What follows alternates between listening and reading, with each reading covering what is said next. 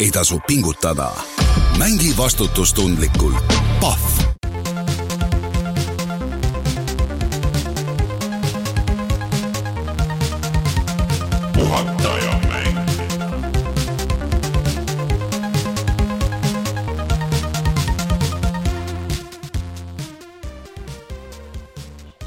tulemast, on reede, kuues oktoober kaks tuhat kakskümmend kolm ning on kätte jõudnud aeg puhata ja mängida. minu nimi on Rein Soobel. minuga üle interneti on Martin Mets. tere. Martin, kuidas sul läheb? ma ei tea, nagu ikka, selles mõttes, et äh, tahaks puhata ja mängida ja tegelikult seda on isegi saadud äh, teha selles mõttes, et kui vaatad õue, on äh, õhtul on juba pime ja nagu ei olegi seal midagi teha ja, ja eks tuleb, tuleb minna tubaste tegevuste juurde. sul on, sul väga hea point, äh, minu arust sügis ja pimedus ja külm, mis sellega kaasneb, on tekitanud väga suurt masendust. aga tõesti mängudega saab seda natukene ära peletada ja sarjad, millal tulevad äkki uued hooajad ja tead, sa praegu motiveerisid mind, sa tuletasid mulle meelde, et äh, on, on siin pimeduses häid asju ka minul on tegelikult äh, niiviisi, et, et ma tegelikult aasta lõpus siin mingid võlad, mis kõik nagu kuskile on jäänud ja siis need, mis nagu eriti kripeldavad, siis ma kõik äh, need proovin nagu läbi teha või vähemalt aru saada, et kas mul on ka tegelikult nagu motivatsiooni ja tahtmist neid läbi teha. see on hea point, punkt et äh, ega sundida, sundima ennast ei pea. okei okay,, on mõned mängud, kus sa natukene sunnid ja siis läheb nagu, siis alles läheb heaks. aga üldjoontes jah, ma vot selle peale isegi viimasel ajal mõelnud, et nagu kuidagi eriti mingid siuksed suured triple A mängud, et mingid noh, Starfieldist siin just enne saadet rääkisime, et noh, et jah, seda on nii palju. see ei ole, see, et seda on palju, see ei ole nüüd see, mis kutsub nagu, et see ei saa otsa mitte kunagi mängi seda. Äh, Rainerit meil täna ei ole, Rainer on äh, selle sügismasenduse eest peitu pugenud. Äh, kui ma ei eksi, siis ta on ikka veel Kreekas. aga järgmine kord peaks ta olema olemas ja Martin, kas siis teeme ka sellise pulli, et saame kõik kolmekesi stuudios kokku? no plaan praegu on selline. Pidu ma ei tea, mis selle puhul tegema peaks, see on nii, nii harv asi, mida juhtuda saab aga alustame siis kõige selle kohustusliku asjaga. Äh, esiteks äh, loomulikult meie Youtube, äh, mille, mille video meil üles läks sinna? Martin, tuleta meelde. see nädal ei läinud midagi ah.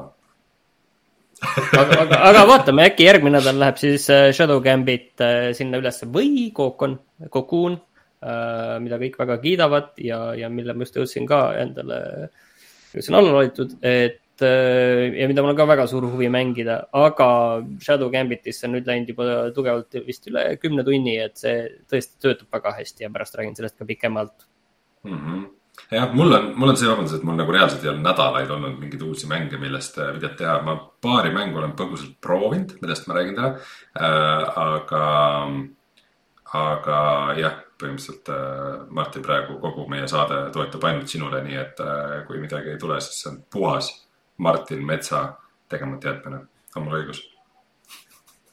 jah ei, ma üldse ei ürita seda süütunnet tekitada mm. -hmm. lisaks sellele saab meid siis jälgida kõikidest teistest sotsiaalmeediakanalitest, äh, olgu selleks siis Facebook või Instagram või Spotify või Patreon, äh, kus äh, meid äh, saab toetada. ja sealt eriti sooviksime välja tuua Taavi, keda ma muidu just laupäeval nägin. jutlustaja X, Device null, Failissi, GameCam, keda ma ka nägin laupäeval. Kalevus, ML Linux, Android, Quick, Ando Võsuri kui ma kedagi teist nägin eh, viimasel mängutööl, siis, eh, siis andke endast chatis märku. võib-olla me lihtsalt ei pane päris inimest ja seda kasutajanime kokku. Martin, millest me täna rääkima hakkame? täna on meil natukene selliseid väiksemaid uudiseid, tegelikult korra tahaks markeerida neid uusi mänge, mis tegelikult on just välja tulemas. siis räägime natukene sellest, mis toimub Blizzardi ja Warcrafti maailmas räägime mõndadest teenustest, millest üks minu jaoks tegelikult väga üllatuslikult kinni pannakse. mõned koondamisuudised, millest ma ei tahaks nagu, millel ma ei tahaks nagu pikemalt peatuda ja siis Reinul oli minu jaoks üks üks üllatus kirjas siin, mis, mis tegelikult haakub väga hästi saate teiste teemadega. ja siis mina tahaks kuulda sellest, et mis, mis siis ikkagi eelmine nädal seal mängutööl, Rein, toimus mm,. mis sinu mängust nagu arvati, mida Marko Reikop sinu mängust arvas ja, ja selles mõttes, et mida sa tegelikult veel seal mängutööl nägid ka ja siis mängude koha pealt peale selle veel, Rein, sul on see End Zone A World Apart. ma tahaks väga kuulda, mis sa sellest arvad, sest ma ise vaatasin, et mul on Steamis null koma üks tundi selle kohta kirjas. ja mäletan, ma panin selle käima ja ma lootsin midagi natukene muud ja kuna ma seda koheselt ei leidnud, siis ma äh, endale omaselt lõin käega ja siis ma natuke räägin ka veel Counter Strike'ist ja sellest, kui kehv ma selles olen ja mul, vaatan, mul on Endzone'is sada kuus minutit kirjas äh,, nii et äh, tead, see on arvestatult rohkem kui sinu oma, aga ma väikse spoilerina võin öelda, et Endzone'iga äh, ma reaalselt ei ole tutorial'it veel läbi teinud aga see on väga pikk tutorial. aga kõigest sellest ja kõigest äh, muust me täna räägimegi, nii et äh, tuleme kohe tagasi ja hakkame uudistega pihta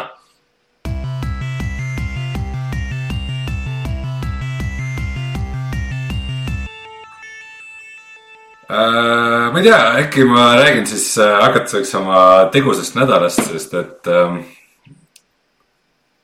ütleme, et mul on nagu kiired ajad ja veel nädal aega.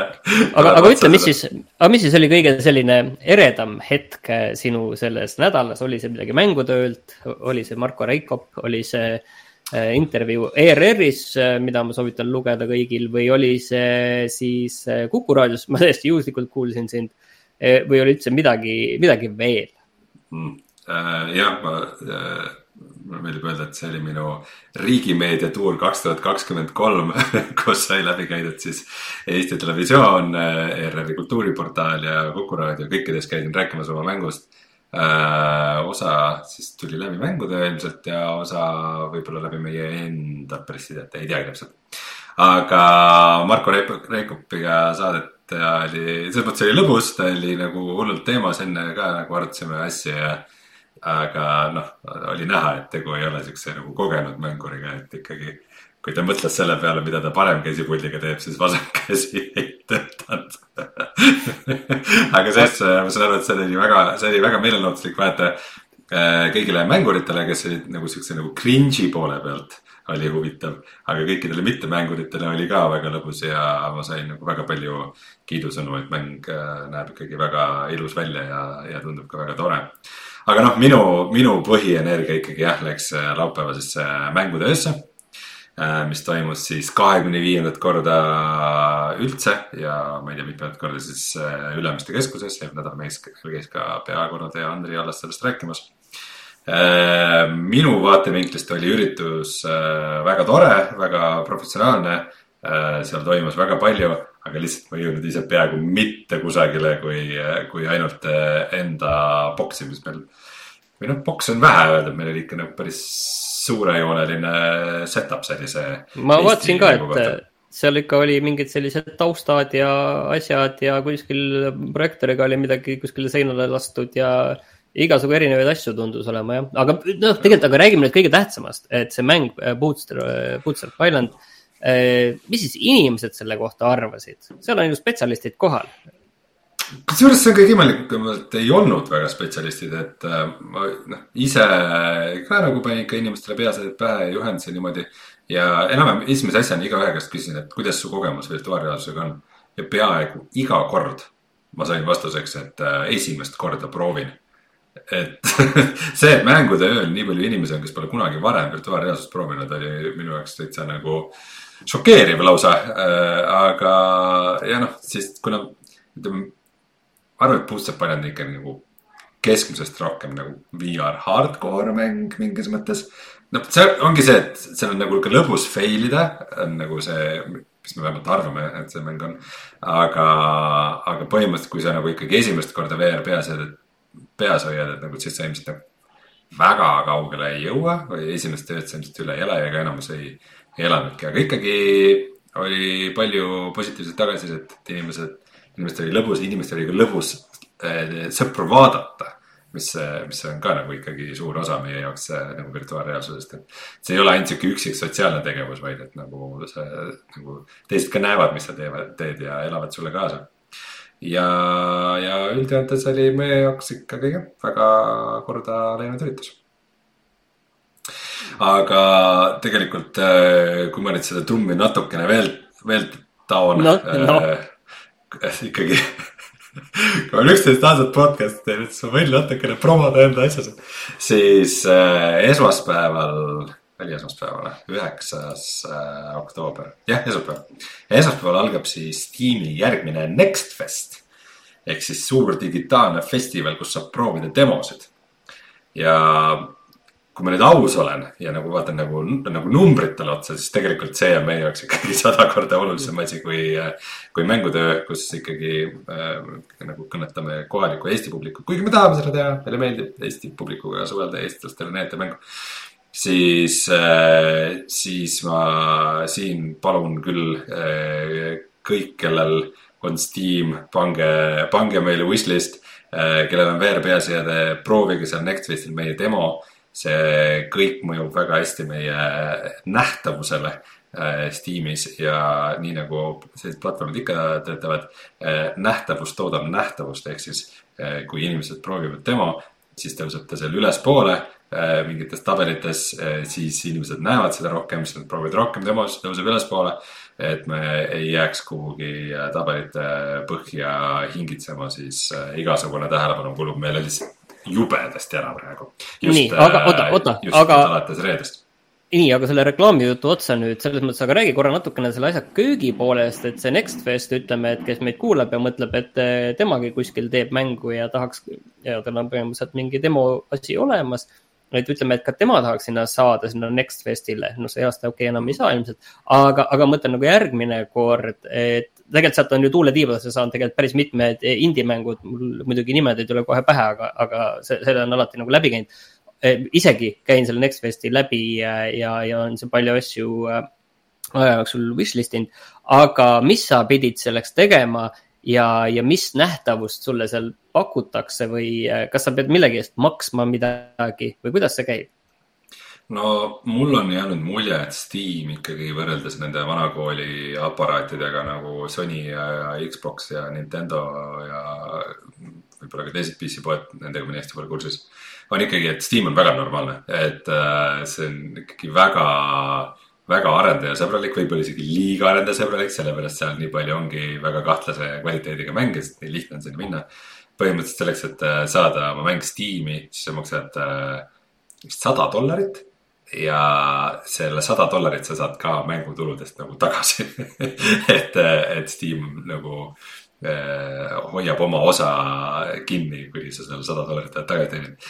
nii et see ei maksa tegelikult midagi äh,. varem olid teised reeglid, aga nüüd on see, et Nextfestil saab iga mäng osaleda ühe korra ja see mäng ei tohi olla veel väljas. ja ongi kõik.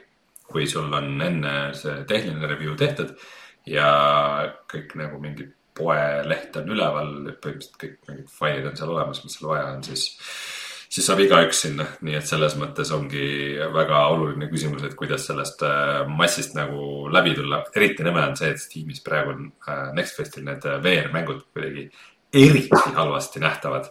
et sul on mingisugune hästi spetsiifiline menüü on kuskil, et sul on umbes žanrid ja siis on mingi spetsiifiline menüü on mingi umbes äh, äh, mingi visuaalne stiil või midagi siukest ja siis seal on kuskil VR-i linnukene, mida ei ole. see on äh, huvitav, selles mõttes, et Steam ju valmistas äh, Half-Life Alyxit ja, ja nende enda indeksit, et siis võiks ju seda asja nagu pressida natukene aktiivsemalt. aga selles mõttes on tore, et. ma tegin ühe märkuse ka neile just äh, ühel Q&A äh, üritusel selles osas, aga ütlesin, me kavatseme niimoodi jätkata, sest VR-mänge on praegu lihtsalt liiga vähe et äh, aga selles mõttes on hea meel, et, äh, et see Steam on ikkagi selles mõttes äh, demokraatlik keskkond siis mm. -hmm. ma arvan, et väikestele, just sihukestele Eesti mänguarendajatele, kellel pole tutvusi ja sidemeid kuskil, ma ei tea, kohtades ja ei ole võimalik käia Steam'i peakontoris kätt surumas kõigile, et on ikkagi Steam väga, väga normaalne üldjoontes, kuigi eks neil on ka omad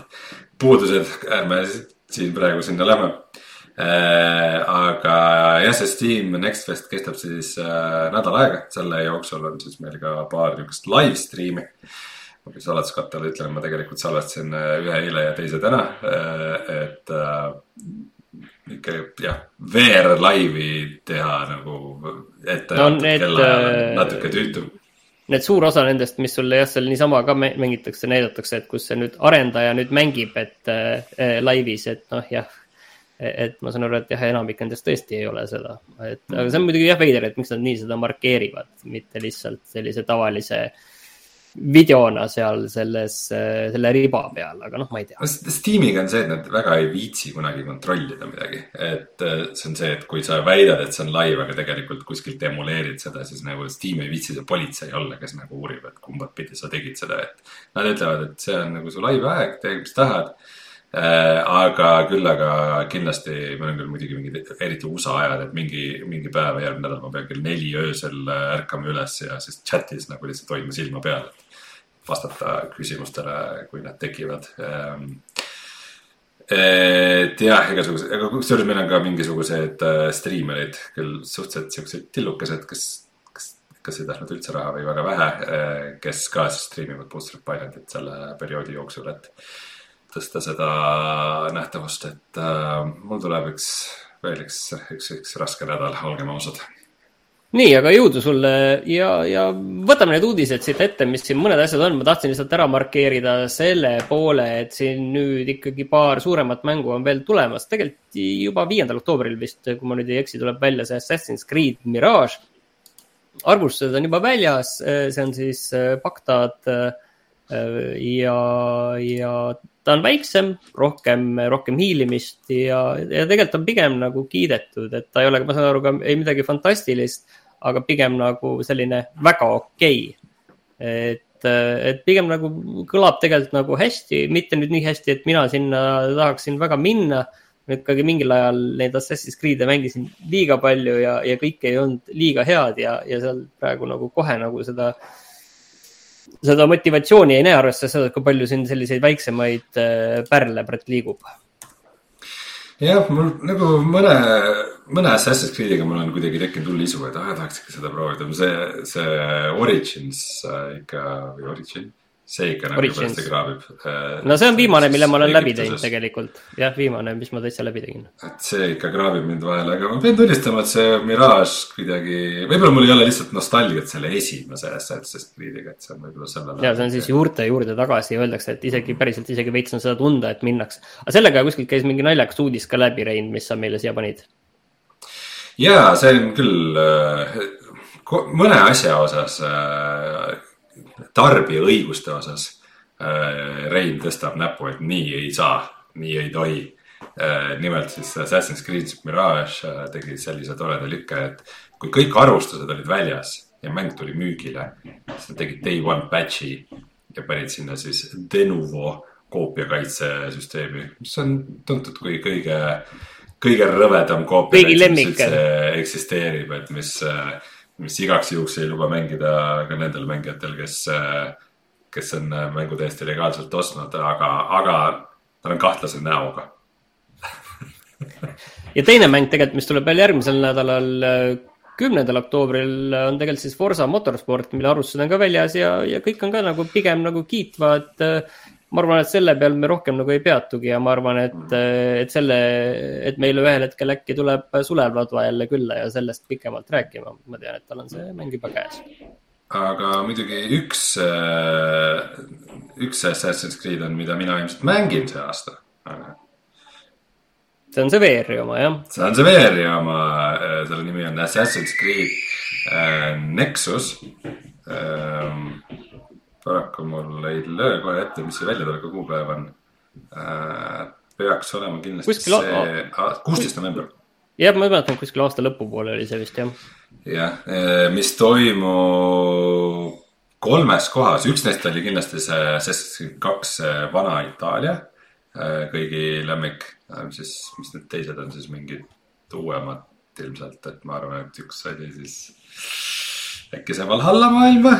Ja üks oli see ah,, Kreeka, see Kree, Vana-Kreeka teema oli kindlasti äh, Odyssey siis äh,. aga mis see kolmas oli, ma arvan, et äkki Valhalla, pead ei anna ühesõnaga, et seal eri, eri maailmade vahel saad hüpata, turnida katustel ja hüpata katuselt kellelegi noa kõrri VR-is. see kõlab isegi ägedalt ja äh, muidu tegelikult üks asi lihtsalt, mida ma tahtsin ka veel markeerida, et mis näitab seda ajastut, kus me veel elame, on see, et see Assassin's Creed tegelikult tuleb siis välja äh, nii uutele konsoolidele kui, ka vanadele. et Playstation äh, neli ja oi, ma nüüd ei vaadanud, kas see oli ka Xbox One'ile, vot selle ma jätsin vaatamata äh,. see, aga Forsa tuleb siis äh, Series X-ile ja S-ile, et Forsa nagu One'ile ei, ei tule ja ma ei mäletagi, mis see seis nende viimastega on olnud ah,. Mirage tuli ikkagi One'ile ka välja.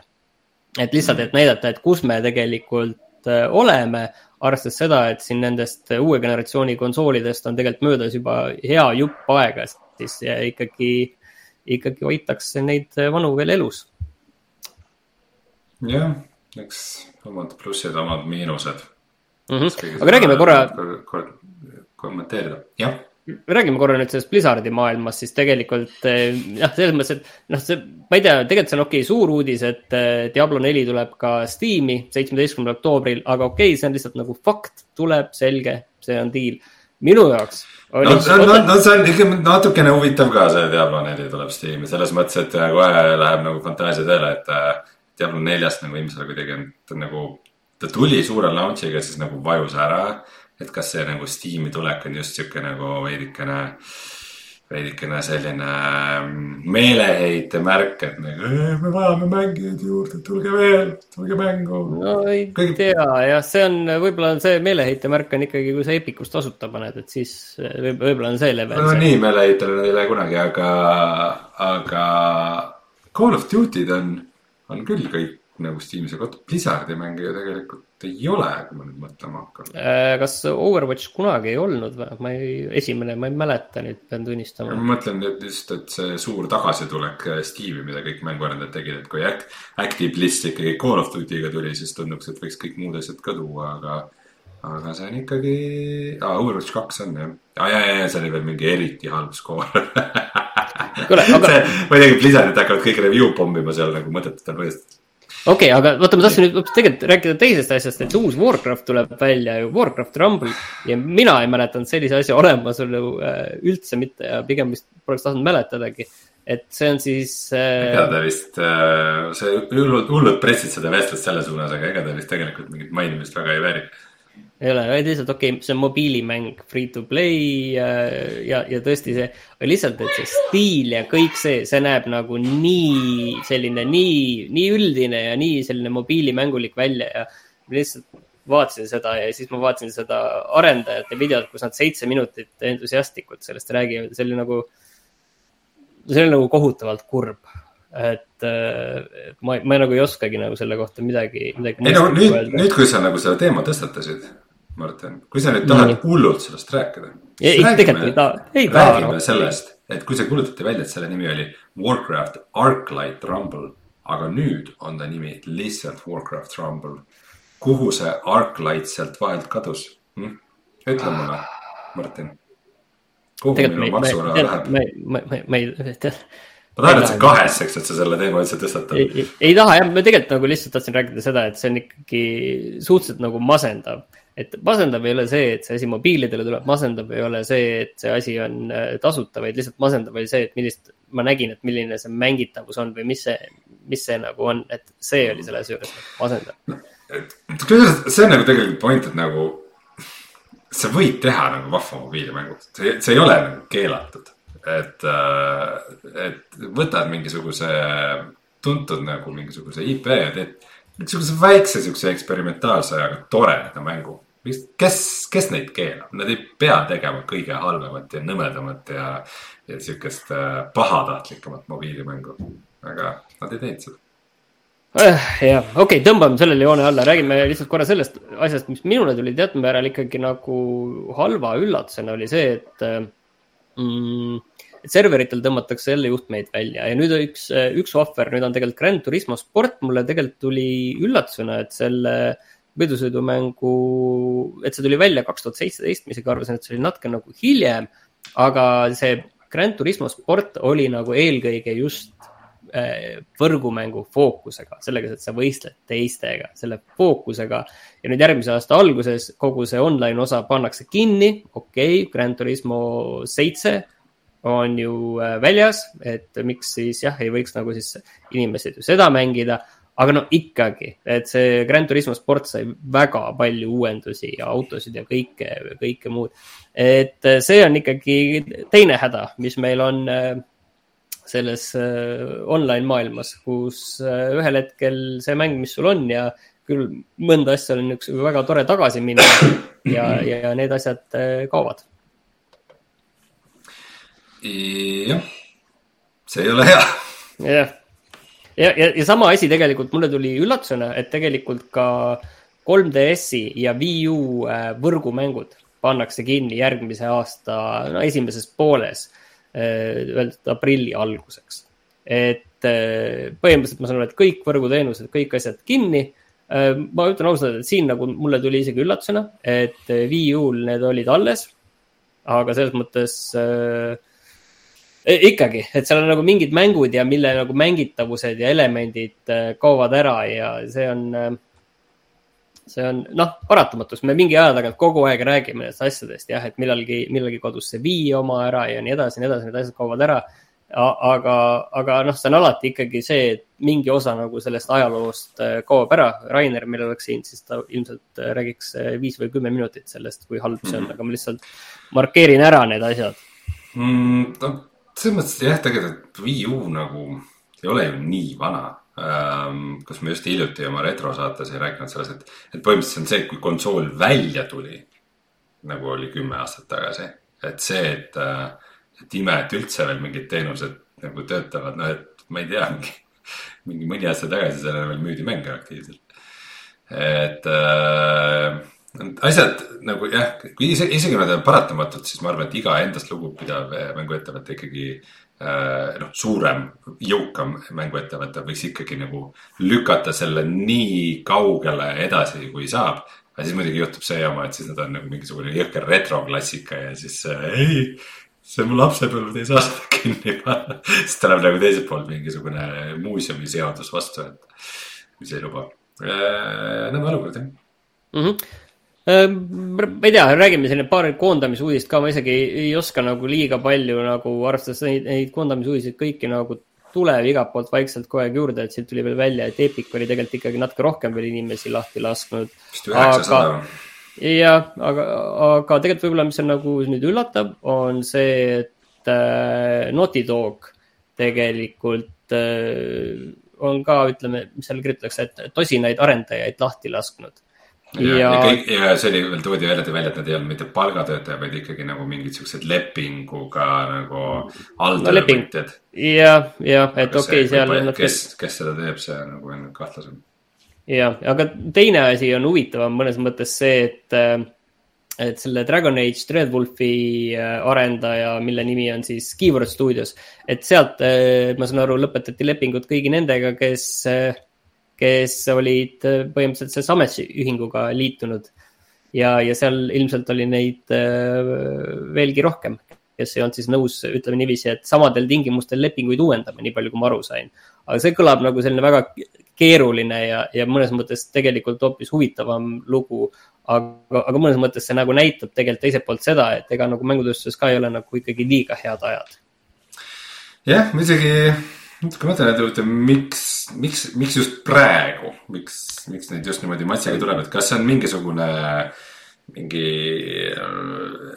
et kuskilt ennustati mingisugust lõputut kasvu, mida ei toimunud või, või Äh, üks äh, sihuke, ütleme rohkem vandenõuteooria on see, et kõik need ettevõtted, kes NFT-desse investeerisid jubedasti, said aru, et sellega nad on vastu pükse saanud, et ma noh, see see ei tundu. see ei, seda, seda on ikkagi mujal ka siin näiteks äh, kasvõi see CS, CS-GO-s jah, CS kahes, et siin need tipptiimides tegelikult kuuldavasti uued palgad on madalamad ja, ja siin ongi nagu mõned tippmängijad ja tipptreenerid on pidanud enda tiimi juurest lahkuma, sellepärast et nad ei olnud nõus selle madalama palga peale minema.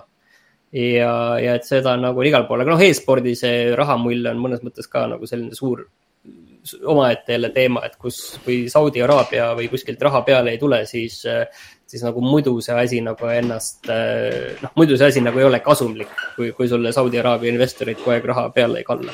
no Embracer kus... Grupiga on täpselt sama nagu välja tuleb millega? Embracer Grupiga. aa, no täpselt ja seal on ka jah, et kui, kui see raha nagu peale ei tule või siis ma ei tea, Tencenti investeeringud. mõnes mõttes ongi muidugi halb, et jällegi siis see annab nagu võimaluse sellistele Tencenti äh, tüüpi ettevõtetele enda kombitsaid äh, veelgi äh,, veelgi laiendada mm. -hmm vot. aga jah, tundub, et praegu on sellised ajad, et äh, loodame, et see mingi doominona nagu liikuma ei hakka, aga eks me, eks me hoiame teid kursis. kord nädalas saate teada, kas mängumaailmas koondatakse või mitte. ma ei ole kuulnud, et ükski Eesti firma koondaks. mängustuudio, mängustuudio siis. jah, ma mõtlen mängu, mängufirma jah.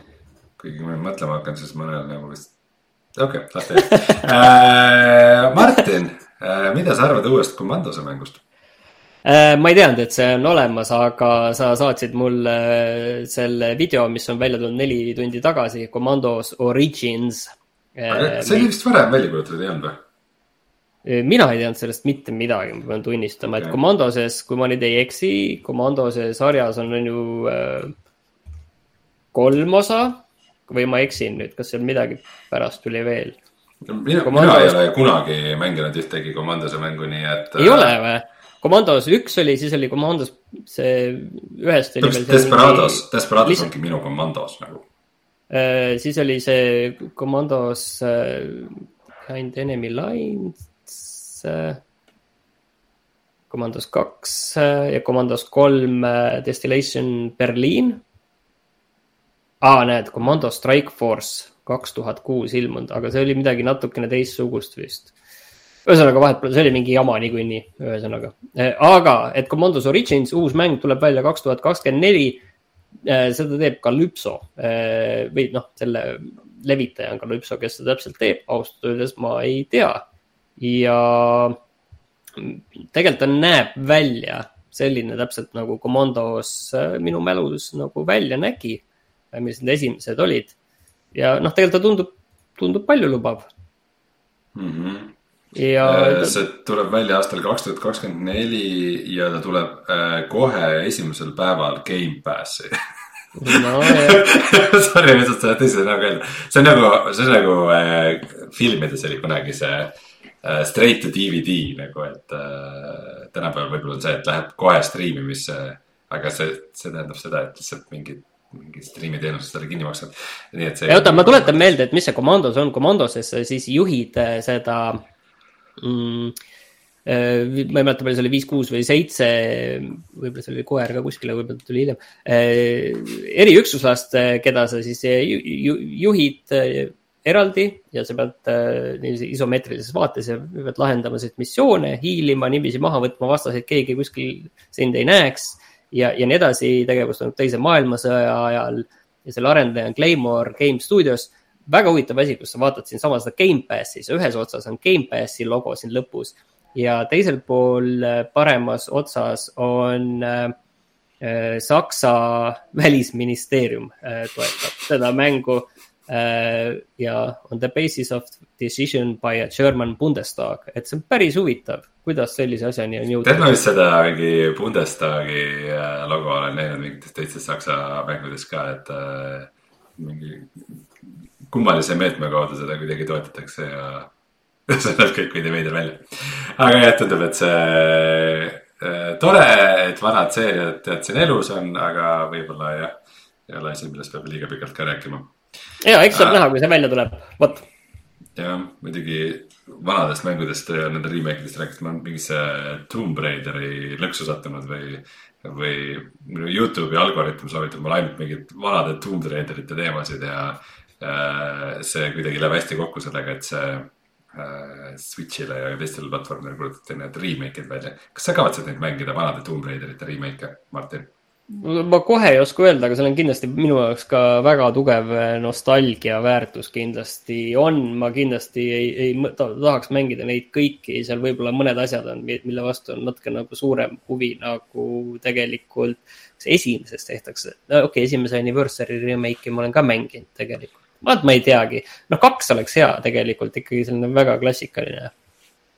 see, see anniversary väärib nagu veel selles mõttes eriti mainimist, ma ütleks, et nagu see esimese remake ehk siis Tomb Raider Anniversary. ja mis sellega koos käis, Legends, et need on isegi võib-olla nagu minu jaoks äh, kaks kõige tugevamat Tomb Raideri mängu üldse. Need tulid siis just enne seda, kui see uus reboot tuli ja, ja siis äh, see oli, see oli heas vormis, äh, heas vormis Tomb Raider see, vaata see esimese remake, see Anniversary, seal, see oli vist kümme aastat sellest, kui see välja tuli või natuke ma ei tea, ühesõnaga midagi sellist. aga see oli selles mõttes äge, et see oli tehtud nagu see Ratchet and Clanki remake. et oli võetud see vana lugu, vana maailm, vanad levelid, aga sinna oli pandud nii-öelda see mängitavus, milli, milliseks tegelikult see mäng oli selleks hetkeks arenenud. Et näiteks sealsamas, äh, vaata köied tulid, ma ei mäleta, kuskohast, Tomb Raider kolmes äkki. köit, köitega kiikumine ja kuskile jõudmine ja siis see pandi ka näiteks nagu. ja siis igal sellised asjad pandi ka nagu kahes kindlasti ei olnud ma arvan, et see oli kolmes, selles mõttes, et see köite selgeks saamine, et see, see oli, see oli väga raske. Esimest korda, kui ma nendega kokku puutusin, aga neljas oli kindlasti võimalik, et kolmas oli natuke, aga, aga seal vaata seal Legends Anniversary's oli see konks nagu sihuke dünaamiline konks, millega sai nagu sõita ja see yeah., see oli nagu, see on isegi praegu impressive et äh, äh, seda ei olnud tollal nagu lihtne teha ja ühesõnaga, seal on asju jah, kuhu tegelikult nagu tasuks äh, tagasi minna, et kui mitte nagu täiesti läbi teha, siis vähemalt korra proovida. kuule, aga vaatame, mida me tegelikult päriselt kümme aastat tagasi tegime. no vaatame Äh, muidugi, kui nüüd meil siit äh, retrodokumendist vaataks vastu mingisugune Tomb Raideri asi, siis oleks kuidagi kirss tordil. oi, aga ma ei, oota, ma ei saa, ma ei saa telefonis lahti seda retrodokumenti, nii et ma sina pead mulle ja. rääkima. Ja ma räägin. sina, sina annad jutupunktid, mina reageerin mm. -hmm. retro. anna siis äh,. väga lihtne oli äh,. kümme aastat tagasi meil kõigil oli ühe mängu nimi Äh, mis koosnes neljast äh, tähest, jah, see oli GTA V.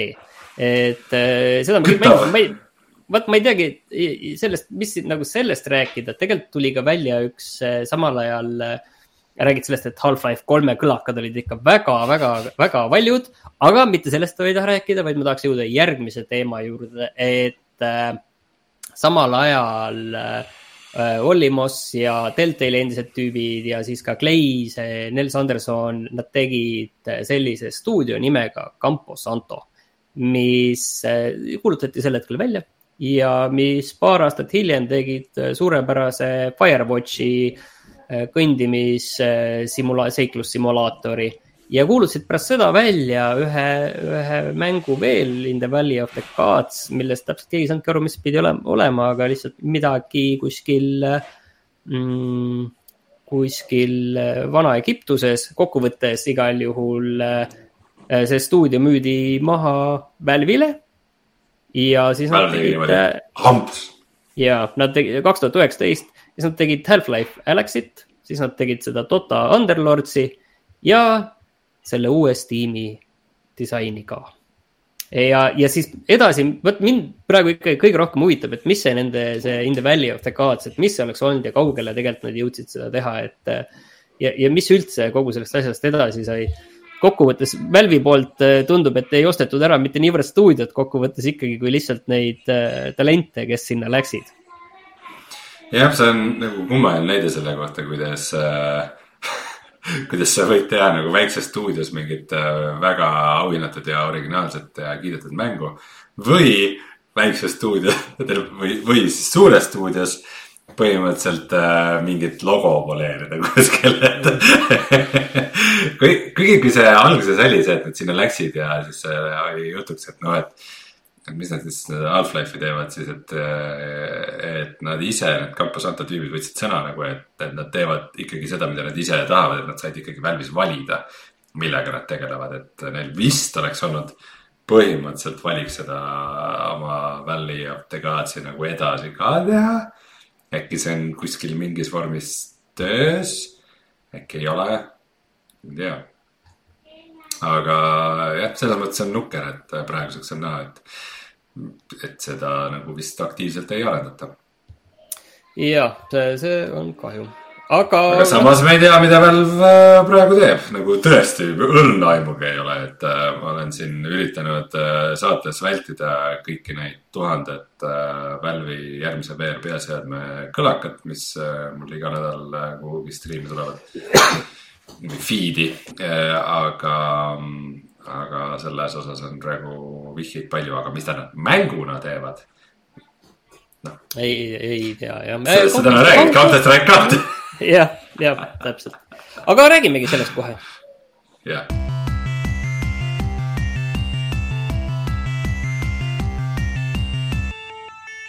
oled siis mänginud Counter Strike kahte, jah? Nüüd ma olen natukene mänginud eh, jah, ja, ja tunne ei ole veel, ei ole nagu veel päris õige. selles mõttes, et ma olin noh mänginud varem ka, aga nüüd ma olen ikkagi natukene nagu, nagu tõsisemalt eh, seda proovinud mängida ja, ja võib-olla mis, et vaata, see on nii palju ilusam, aga võib-olla millest nagu tegelikult peale mingite asjade, mis lähevad väga korda nagu sellisele, no üks asi on jah, et see, et sa, kui sa käid seal ringi siis sa tundud iseendale nii palju raskem, et see, seda kergust enam ei ole liikumises ja, ja, ja CS-GO liikumine oli üks, ma ei tea, mängudes paremaid liikumisi, mis üldse on.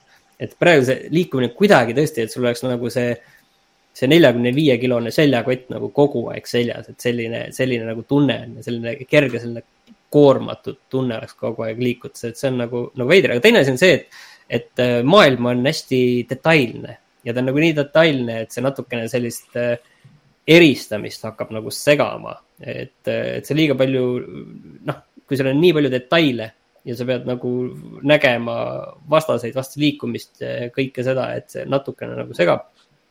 et, et seal nagu on asju, aga kokkuvõttes mulle tegelikult tundub, et see kõik on nagu okei okay,, tegelikult see Counter Strike kaks.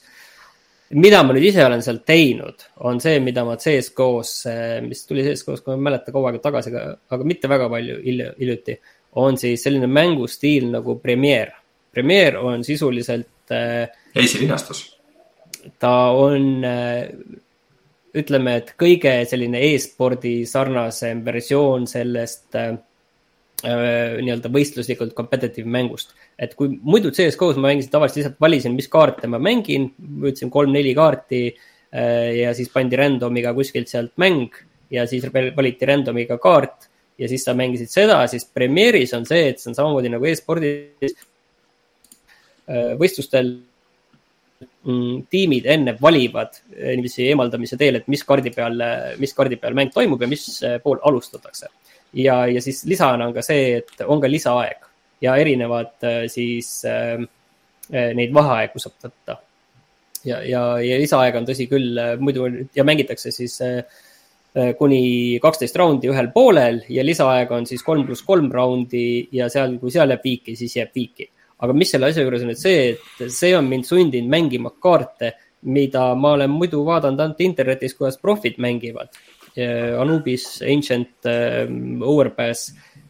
ja see on täiesti kohutav, kui sa ikkagi ise seda ei ole mänginud ja sa oled näinud neid profe mängimas, saad aru, et sa ei mängi üldse nii et, et isegi mitte nii, et okei okay,, sa tead, et kus mingeid nurkasid hoida, enam-vähem sul nagu mingi, mingi arusaam on nagu olemas ja põhimõtteliselt nagu kõige lootusetum selles mängus ei ole. aga hoolimata sellest nagu nende uurte, nende kaart, need ei ole uued kaardid, selles mõttes, need on varem ka olemas olnud, mõnda natuke muudetud. aga aga see on ju hea, sest et su. see on hea, ei, ma tahtsingi jõuda. teisel poolel on ka ju ilmselt need mängijad, kes ei ole varem neid eriti mänginud kui üldse? ei, selles mõttes, et kaardid olid varem ka olemas, aga lihtsalt mina ei ole neid mänginud. ma olin. teised ka mitte, kõik ju ainult grind ivad sealt dust'i. ei, vot jah, seda näiteks ei ole seal üldse, sellepärast et seal on täpselt seitse kaarti, mis on üldse selles nii-öelda competitive äh, selles ähm, map pool'is, et, et ainult need on seal.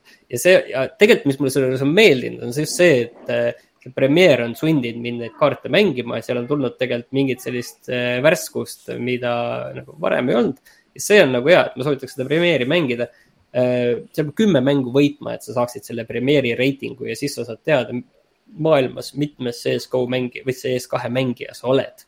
et äh, ma veel ei tea, kus ma seal paiknen, aga need, kellega ma koos mängin, need on kuskil, nende punktiskoorid on kaheksa tuhat, seitse tuhat maailma number üks oli vist äh, kakskümmend viis tuhat. punktiskoori, aga, aga ma olen praegu jah, viis mängu võitnud, kolm kaotanud, et kui ma kümme mängu võidan, siis ma saan endale ka selle reitingu teada ja siis vaatame, kas ma julgen seda öelda või ei julge. Nice tea, ma siin enne, enne saate algust siin meenutasin oma hiljutisi kordusõppuseid ja siin oli üks naljakas seos äh, selle CS2-ga. nimelt äh, äh, meil toimus siis teisel päeval toimus äh, laskmine äh,, päris siis relvadega lasketiirus ja esimest korda elus mul juhtus sihuke asi, et äh, laskmine katkestati, sest et tuli selline udu metsa peale, et nagu keegi ei näinud oma sihtmärke, et korra üritati saja meetri joonelt, kõik lasid oma sihtmärke. siis äh, läksime sihtmärkideni ja vaatasime, et ühtegi auku ei ole. ja rääkisin seda lugu hiljuti kellelegi, kes on äh, mänginud äh, CS-i ja ta küsis, et oota, aga kas kuulid siis udu minema ei jäänudki? See, see on jah, et see uus suits, et see seal, ta ei aja nagu väga ära. Ta niiviisi ikkagi läheb nagu läbi ja sa pead ikkagi ütleme niiviisi, et ta natukene nagu hajuks, siis pead viskama sinna granaadi või siis võib-olla tõesti mingi negeviga kuulipildujaga lased sealt äh, sin, sinna valangu, et siis ta võib-olla hajutab natuke nagu rohkem, aga ta nagu mingit nähtavust natukene loob ja natukene seda, seda muudab, aga kokkuvõttes jah, et eks see, ma ütleme, et ma arvasin, et võib-olla see CS2 tulek tõmbab äh, minu sellele äh, Counter Strike'i sellisele, sellele maratonile nagu joone alla. aga tundub, et ei, ikkagi, ma mõtlesin ise, et siin võib olla nagu see nõks, kus käib läbi, et äh, aitab sellest jamast, aga, aga tundub, et ikkagi mitte, et ta on ikkagi selles mõttes hea. annab hoopis indu juurde. Äh, jah, tegelikult natuke nagu värskendab ja, ja ta on ikkagi selles mõttes hea selline, hea adrenaliinilaks ja samas tõmbab nagu mõtted ikka kogu äh, sellise igapäevaelust inimese korraks äh, eemale, et selles mõttes ta on nagu väga hea. natuke teistmoodi, kui, kui teised mängud töötavad või seda teevad, et sa, rääkides teistest mängudest, siis äh, Cocoonist räägin järgmine kord, mul tegelikult siin veel Banished Vault on asi, mida ma siin väga tahan mängida. Ja teine asi, mis tuli, kolmas asi, mis tuli vahepeal välja, on siis The Construct tiimi uus mäng The Cosmic Wheel Sisterhood mis on äh, selles mõttes huvitav mäng, et, äh, et see on äh, kaardimäng okay.. selline hiirekliki seiklus, selline näeb välja visuaalselt, võib-olla ta on tegelikult midagi muud ja siis ta on nii-öelda ka selline noh, tech building mäng.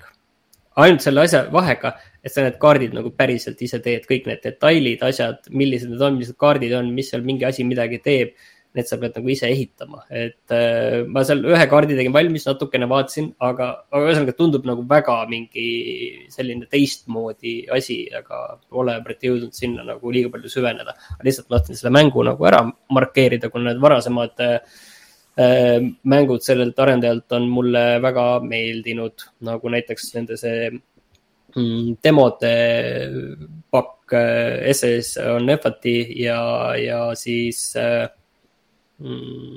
Gods will be watching näiteks või Red, The Red String äh, Club, et tegelikult seal on nagu häid mänge. kas tuleb aastamäng jälle ära kohe või? ei, seda ma ei oska öelda, sest üldiselt mulle need äh, kaardipaki mängud ei meeldi. et, et selles mõttes ma ei, seda nagu hästi ei, ei usu. pigem võib-olla see Cocoon on võib-olla sinnapoole võib-olla. aga äh, samal ajal, mida ma kõige rohkem ikkagi olen mänginud, on siis äh, Shadow Gambit äh,, The Cursed Crew mis on siis komandose stiilis mäng, ma vaatan jah, kaksteist tundi on praegu Steamis kirjas. ma arvan, et ma olen selle oma kümme kaarti läbi teinud, kus sa samamoodi piraatide tiimi juhid, nüüd mul on äh, neli piraati seal lahti lukustunud. üks on see tavaline äh, kõige default tüüp. siis on assassin, kes on zombi, zombi salamõrvar Äh, ja samal ajal ta on ka veel laevakokk ja ta on ka siis ähm, ninja. ja siis ja kusjuures nagu ma eelmine kord rääkisin, et sa need tüübid, sa, kes sa endale lahti sealt äh, ellu äratad äh,. seal on valik on mul neid su suur, keda sa sealt võtta saad oma seitse-kaheksa ja need, mis järjekorras sa võtad see on täiesti sinu valida, et mina tegelikult olen mõnes mõttes äh, traditsioonilised, kolmas ja neljas tüüp on nagu traditsioonilised üks on äh, spioon, kes siis saab teatud ala ulatuses äh, vastaseid üle võtta. ja, ja neljas on siis snaiper, kes on pime ja kellel on ainult üks kuul. et, et selles mõttes nad on nagu traditsioonilised tüübid, aga arvestades seda, et ma ei oleks üldse pruukinud neid võtta, ma oleks võinud võtta hoopis mingid teised siis see mängitavus, kuidas ma tegelikult seda kampaaniat mängin, see mõjutab seda nagu täiesti noh, kardinaalselt ikka. Et see snaiper on, ütleme niiviisi, kaks oskust ongi, et ta saab, tegelikult ta saab hetkeks pimestada vastaseid. ja, ja teine saab... oskus on see, et ta on ise pime ja, ja ta saab siis selle ühe kuuli lasta ja ainus võimalus on see, et ta selle kuuli läheb, toob äh, ära ja siis sa, ta peab sinna kohta jõudma, kus ta maha lasi siis saab järgmise kuuli lasta, on ju. et see on tema, see tema piirang, pluss veel see, et see heliraadius äh, tema nii lasul kui ka sellel, kus ka pihta saab vastane, on nagu väga suured, et see sihtmärk peab olema piisavalt isoleeritud. Ja, ja see mäng on ikkagi nagu meeletult hea ja see ongi see, et isegi see teadmine, et see, et kuidas ma praegu seda mängin, see võiks kõik olla täiesti teistmoodi. ja siiamaani ma igal juhul olen kindel, et ma lähen sellega täiesti edasi.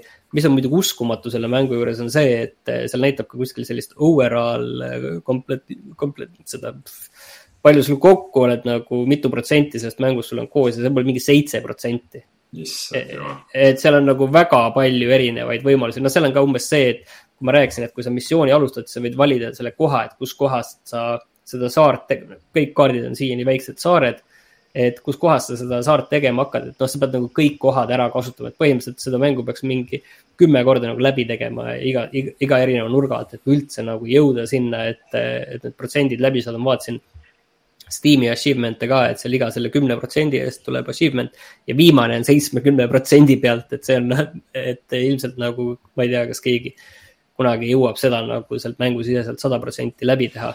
aga. päris palju mängu ikka neljakümne euro kohta. see on äh, tohutult palju mängu ja ta on ikkagi, ma ütlen, et minu eelis on siin ka see, et ma tegelikult ei ole seda Desperados kolme mänginud, mis ma saan aru, on mitmes mõttes nagu sarnane äh, et see on tegelikult mul nagu eelis, et võib-olla ma ei oleks nagu nii elevil, kui ma oleks Desperados kolme mänginud.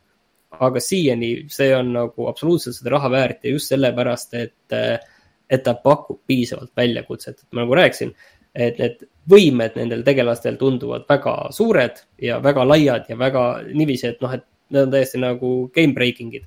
aga äh, ikkagi sa põrkad väga ruttu selliste olukordade vastu, kus sa pead hakkama korralikult nuputama ja see nagu väga meeldib, et ta, see, noh, see mäng ei, ei alahinda sind, et see on tõesti, see mulle väga meeldib. Ma olen väga rahul sellega, et kindlasti seda mängin nagu kindlasti edasi. Tundub, et selle peab ikka jah kuhugi nimekirja panema, et äh, ma arvan, et esimene suurem allahindlus ei lase ennast ka kaua oodata, kui stuudiol nagu veidike vesi ahjus on, et äh, siis saab seal mõnusasti backlog'is marineerida. ja mina soovitan, ega see on värskes kullast on juba olemas mm. -hmm. nii, aga räägi sellest mängust, mida mina olen kümme minutit mänginud. no mul on siis kaks mängu, mida ma olen mänginud põgusalt, sest noh, nad tõesti kiired ajad on äh, esiteks siis äh, see Endzone, äh, mis ta alapealkiri oli, World Apart ja ma korra teen selle intro selle kohalt, et miks mina selle mm. Endzone'i endale ostsin millalgi, ma arvan, aasta või kaks tagasi ja miks ma seda nii vähe mängisin. mul oli tunne, et tahaks sellist äh, The Walking Deadi zombi apokalüpsis äh, maailma äh, sellist äh, strateegiamängu, kus sa päriselt nagu majandad nende ellujääjate baasi tegevust, et see ei ole selline niivõrd mitte loopõhine mäng, vaid selline strateegiamäng, võtame näiteks nagu, et mitte nagu otsese võrdlusena, aga midagi nagu Frostpunk midagi, aga, aga rohkem see, et sa saad ise ehitada kuskile maju, rohkem nagu selline anno veits, et, et midagi sellist samas nagu reaalajas ja, ja kui ma panin selle käima, siis seal tundus nii keeruline tutorial olema, et võib-olla see mängitavus on nagu täiesti seal nagu olemas ja kõik, aga, aga mul midagi nagu üldse kohe ei hakanud klappima ja siis ma liikusin edasi jah, ma, mul on jah tore siin mängida ja muljeid jagada mängu kohta, millest ma reaalselt olen mänginud ainult tutorial'it ja isegi seda mitte lõpuni. aga arvestades, et see võttis äh,, nagu Steam ütleb, siis sada kuus minutit, siis ikkagi nagu üht-teist äh, võib arvata ähm,. põhimõtteliselt äh, mulle ka meeldivad siuksed äh, majandamismängud ja see, et sul on sihuke post-apokalüptiline majandamismäng nagu on miski, mida, seda ei ole ju väga palju tehtud nagu siukseid asju. ma, ma lausa tõesti ei löö nagu ühtegi ette hetkel. tea, Fallout äh, Shelter on ikka midagi muud nagu. Ei, noh, tegelikult selliseid asju nagu on. see, see on eraldi tegelikult. siukest nagu, tuntud, tuntud äh, postapokalüptilist äh, yeah. majandamismängu nagu ei ole. mingi survival jah. blackout või tead, mingid sellised natuke geneerilised nimed, aga, aga mingeid mm. asju ma olen äh, näinud jah, võib-olla Frostbank ongi kõige, kõige lähedasem sellele, selles osas, aga äh, oma mängitusest võib-olla mõjutab mulle kõige rohkem mängu, mida ma see aasta mängisin, mis mulle väga meeldis, nimega Farthest Frontier äh,. ja lihtsalt, et ta toimub siukses nagu postapokalüptilises võtmes on ju, et ta oli mingi tuumasõda või mingid tuumaplahvatused või et midagi keerati väga pekki ja radiatsioon on igal pool ja let's go ähm,. põhimõtteliselt äh, su tutorial on siis, tutorial üritab nagu reaalselt kõik mängusüsteemid sulle ära tutvustada, annab nagu ennast üles, et oh, nüüd tee seda, nüüd tee seda, nüüd teeme haigla, nüüd teeme nagu selle äh,. ja see, ma ei tea, kas tutorial peaks olema nii pikk ja nii, nii põhjalik, aga igatahes lihtsalt nagu selleks, et mis toon või nagu setting üldse mängul on. esimene asi, mida tutorial'is pead tegema, on see, et äh, su inimesed tahavad vett nii et äh, tee siia sadam, siis et nad tünnidega toovad vett, viivad kuhugi sinna veetorni ja siis sealt nad saavad vett. siis nagu oot-oot-oot-oot, meil on ju postapokalüptiline mäng. kuidas nad saavad seda vett juua, et kas seda ei peaks mingi puhastama ja tegema seda asja, ei. teine asi äh,, äh, mingi inimesed tahavad süüa äh, jahiloomi ja siis need loomad, kes seal ringi panevad, ei ole ka mingid mutandid, need on nagu mingid metssead ja hirved ja nagu täiesti normaalsed loomad nagu ja siis, siis nagu tee põldu nagu mm, istuta mingeid viljapuid ja, ja muid taimi ja korja seeni ja.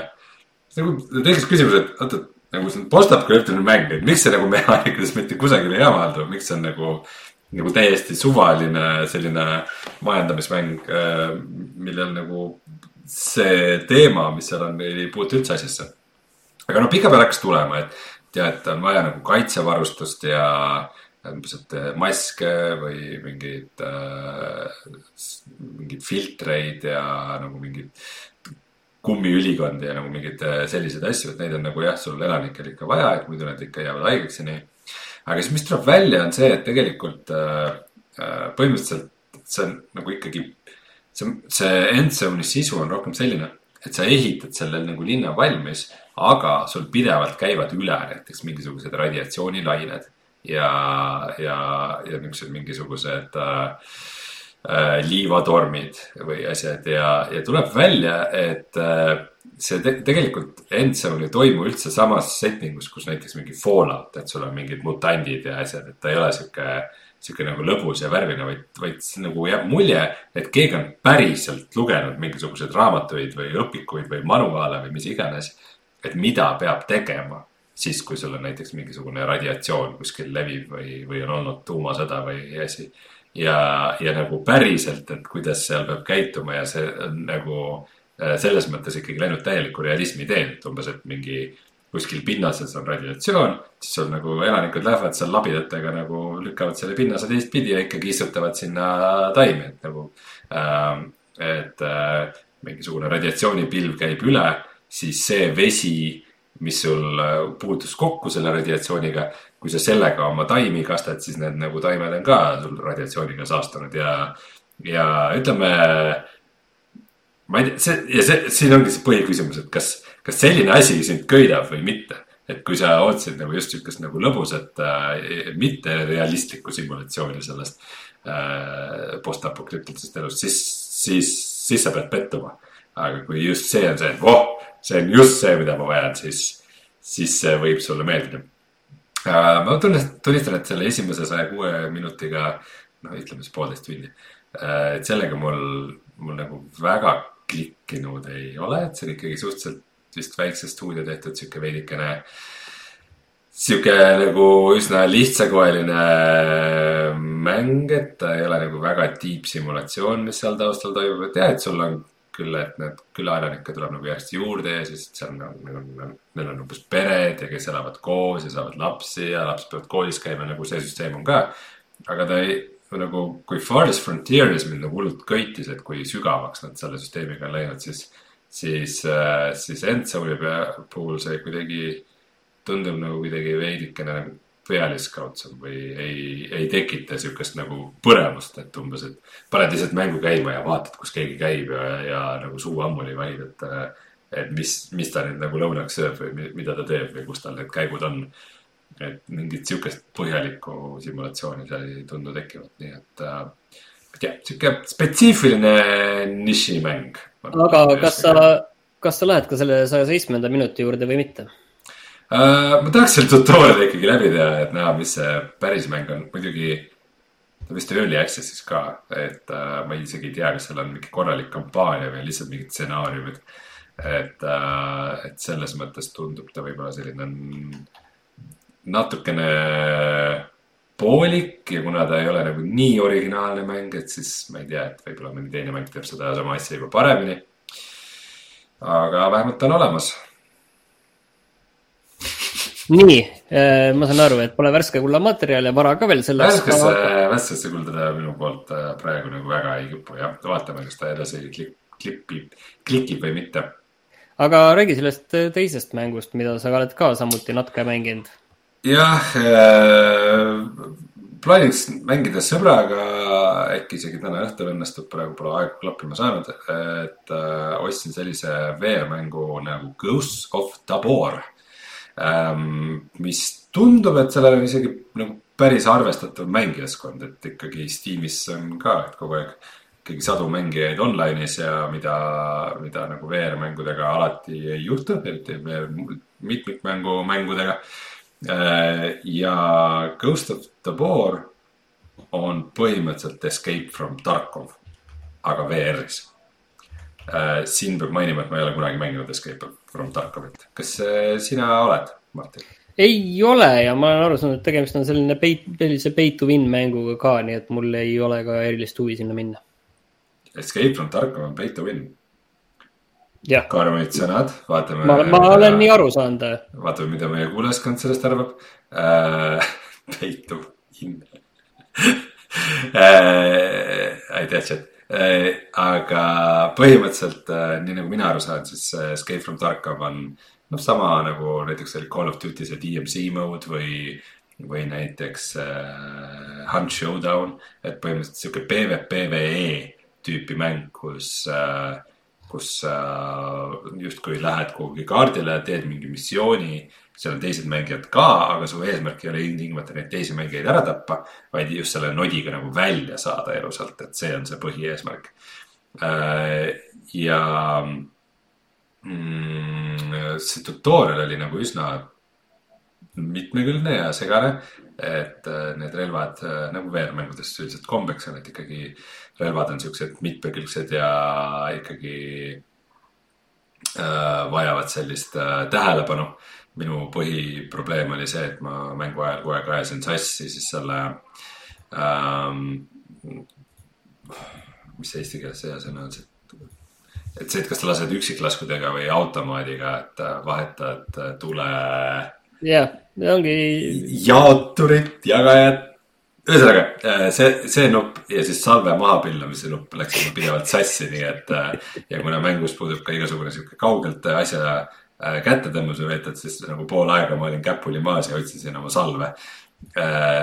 selle tegi veel ebamugavamaks see et äh, default'is äh, siis Ghost of Taboris on sul äh, see üleni keha äh,. ehk siis äh, kui sa lähed kuhugi kükitad või äh, käpuli asendisse või mingi üldse mingist poolkükk asendisse seal sahmerdad äh,. siis äh, sinu virtuaalne keha täpselt ei saa aru, kus su päris keha olla võiks. Ja siis äh, sa sageli lähed oma keha sisse ja siis on väga raske midagi leida, sest su pea on sinu põlve sees näiteks. et äh, see, see osa mulle väga muljet ei avaldanud. aga mõned äh, vahvad ideed on seal, mida nagu, mis võib-olla mind nagu kutsusidki sinna kõige rohkem umbes stiilis, et äh, kui sul on salv käes nagu noh, automaadi salv, kus sees on sul padrunid siis kui sa seda raputad, siis see, et kui palju ta vibreerib, annab sulle nagu indikatsiooni, et palju seal, palju seal salves on kuule sees, et kui kui on nagu kolm korda vibreerib, siis on nagu täissalv, aga kui on üks, siis on ainult äh, mingi üks kuul sees, et äh, mis on sihuke, äh, sihuke vahva, vahva interaktsioon iseenesest, aga, aga ma ei tea, kui kasulik see seal lahingu käigus on. ja mis oli nagu eriti vahva, oli see, et mm, siin Pavlovis ja, ja Onwardis ja sihukestes nagu militaar VR mängudes on sageli see, et sa saad hullult sättida asju omale kuhugi rinna peale, et justkui, et kus oh,, siin ma hoian oma salve ja siin granaati ja siin ma hoian oma nuga. Äh, aga kuidas see selles Ghost of Taboris käib, on see, et sul on mannekeeni peal on see killovest, kus sa paigutad asju. ja siis viimase asjana sa võtad nagu mannekeenilt selle killovesti omale nagu selga ja siis ta on sul seljas, et nagu. see on see sa... selle jaoks, et sa nagu ise ka näeksid seda, et mis seal nagu on või? just, et, nagu ülevalt, ülevalt alla vaadata, sa, sa ei saa nagu väga head ülevaadet. mis on väga okei okay, sihuke innovaatiline viis. mulle meeldib VR-is siukseid nagu uusi, uusi lahendusi, uusi mõtteid näha, et see alati nagu annab kuidagi värskust. ja samamoodi näiteks, et sul mannekenil on kiiver peas, sa paned mingi selle night vision'i goggle'id sellele külge ja umbes. Noh, relvadel on ka nagu see rail on, on, on peal, kuhu saad ise valida, et kus sa selle lasersihiku või nagu optilise sihiku seal mm. nagu täpselt paned, et. VR-is siuksed asjad üldiselt on, äh, on vahvad aga Ghost of the Ball muidugi peab ütlema, et äh, paralleelselt minu ostsin ta küll Steamis äh,. vist ma arvasin mingi kakskümmend, kolmkümmend eurot äh,. Ja paralleelselt ta on siis ka äh, Questi peal olemas, ehk siis ta on äh, selle Questi äpp läheb, vist ta isegi ei ole päris ametlikus poes ja tundub seal päris populaarne. aga äh, nagu see selliste mängude ikka tähendab, tähendab see seda, et äh, ta näeb välja sihuke mobiilimäng veits, ehk siis see graafika on selline hästi lihtsakoeline ja pigem markeeriv kui realistlik. ja see on muidugi üsna lame. ma jõudsin siis teha ainult ühe matši. ma tapsin seal kaks inimest, aga pärast sellest järel, järelkajast tundub, et tegu oli siiski bot idega. et seal põhimõtteliselt siis ongi see, et nagu mingid mingi nagu inimesed äh, jahivad mingisuguseid asju ja üritavad varandust kokku ajada, mida siis kaardilt välja ajada. Ja samal ajal on siis ka nagu mingisugused agressiivsed sõdurid, kes lasevad kõike, keda nad näevad, et äh,. aga noh, ongi see, et kui sa nendega sõdid, siis nagu sul see laske on ikkagi kaugelt kuulda, see nagu äratab tähelepanu, et. see tundub nagu, see kogu gameplay tundub põnev VR-is, aga, aga kindlasti ikkagi sõbraga koos et üksi, üksi sihukest mängu ma vist väga palju ei viitsiks äh, mängida, et äh,. Et värskesse kulda kindlasti esimese lühikese mulje puhul äh, minu käest ei lähe. aga idee poolest äh, tundub vahva ja tahaks veel mängida ja noh, Early Access'i mäng ka jällegi. see tuletab, tuletab lihtsalt Rein meelde seda, et äh, tee siis, tee siis mulle ka kunagi enda see mängu demo ära, vaat saaks mina ka seda proovida mm,. seda saab organiseerida asja. kas sa esilejal tekid sa panen nüüd see vorst vorsti vastu ees, et ma olen meedia käest, sest meedia käest vastu. ilma, ilma vorstita ei saa midagi. Martin, ma olen seitse aastat teinud äh, VR-elamusi ja, ja mänge. Äh, kui paljusid sa oled viitsinud proovida, mis, mitut? üle neljakümne neid teinud, mitut sa proovinud oled? Ma pole teisest hoolinud, ma nüüd see, see tundub, tundub huvitav, vaatame seda asja. okei okay,, räägime pärast, räägime, räägime eetriväliselt. teen, teen ühe eraldi sessiooni. jah, teeme eetriväliselt, lepime kokku, vaatame mingi asja. nii mm, -hmm. aga. aga ma muidu lihtsalt ka siukse nagu ajutühjendusena äh, aeg-ajalt äh, mängin seda Quake kahe remaster'it, mis on äh, päris vahva. ma mõtlesin, et Booster of Islandit, aga no okei okay,, jah. no ütleme iga asi, mis, mis, mis Puzzle Bindis ma näen, ma pean mingisugune sada Jira task'i tegema selle kohta, see ei ole ajutühjendus. ma seda mängin, see on väga suur stress. kuigi, kuigi ma just tegin selle Next Festi jaoks videot ja, ja siis mõtlesin, päris, päris lõbus on ka tegelikult ikkagi. okei okay., aitab selles tühjendust. okei, jah. pange wishlist ära ja siis rohkem, rohkem ma ei räägi täna äh,. aga, et kui kahel siis see uus kampaania, mis on see Machine Games'i tehtud, et äh, selles ma olen nüüd kuuendas kampaanias, saab eri järjekorras mängida, aga nüüd. ma olen ka veits mänginud seda, aga mitte nii palju.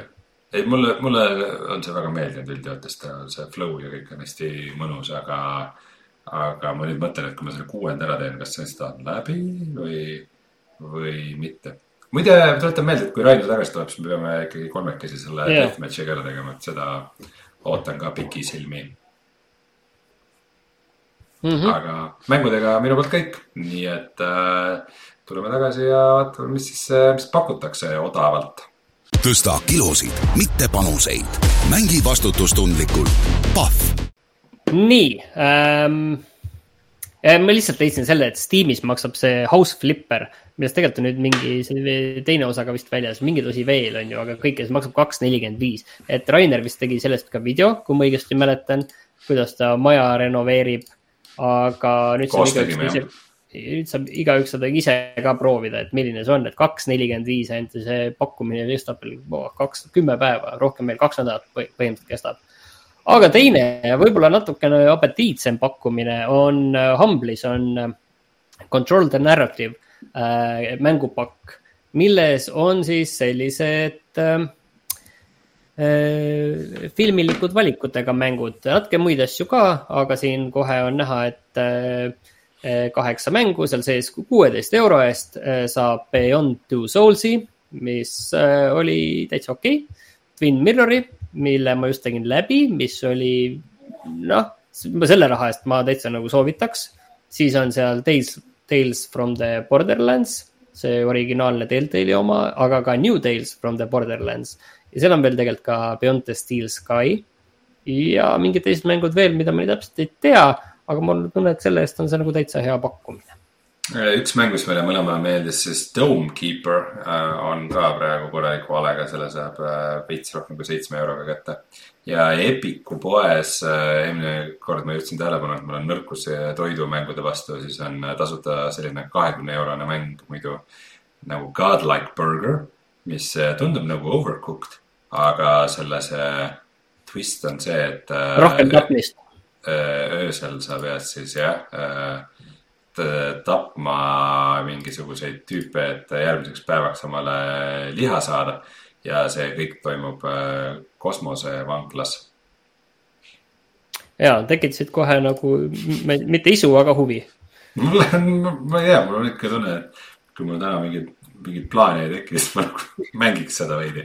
Et see on nagu see Gamepassi värk, vaata, et nagu noh, tasuta noh, proovime ära. meile meile öeldakse ka, et äh, Witcher kaks on äh, Steamis saadaval nelja euroga.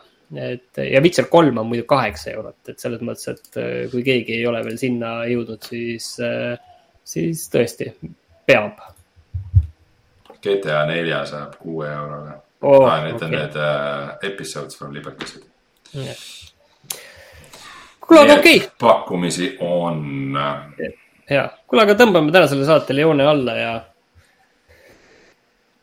ja järgmine nädal siis loodetavasti kolmekesi. loodame seda äh,. aitäh kõigile kuulajatele ja vaatajatele ja siis, kui me oleme oma lõpusõnad öelnud, siis ma panen siia lõppu veel ühe reklaami ka, nii et äh, aitäh ja head aega. head aega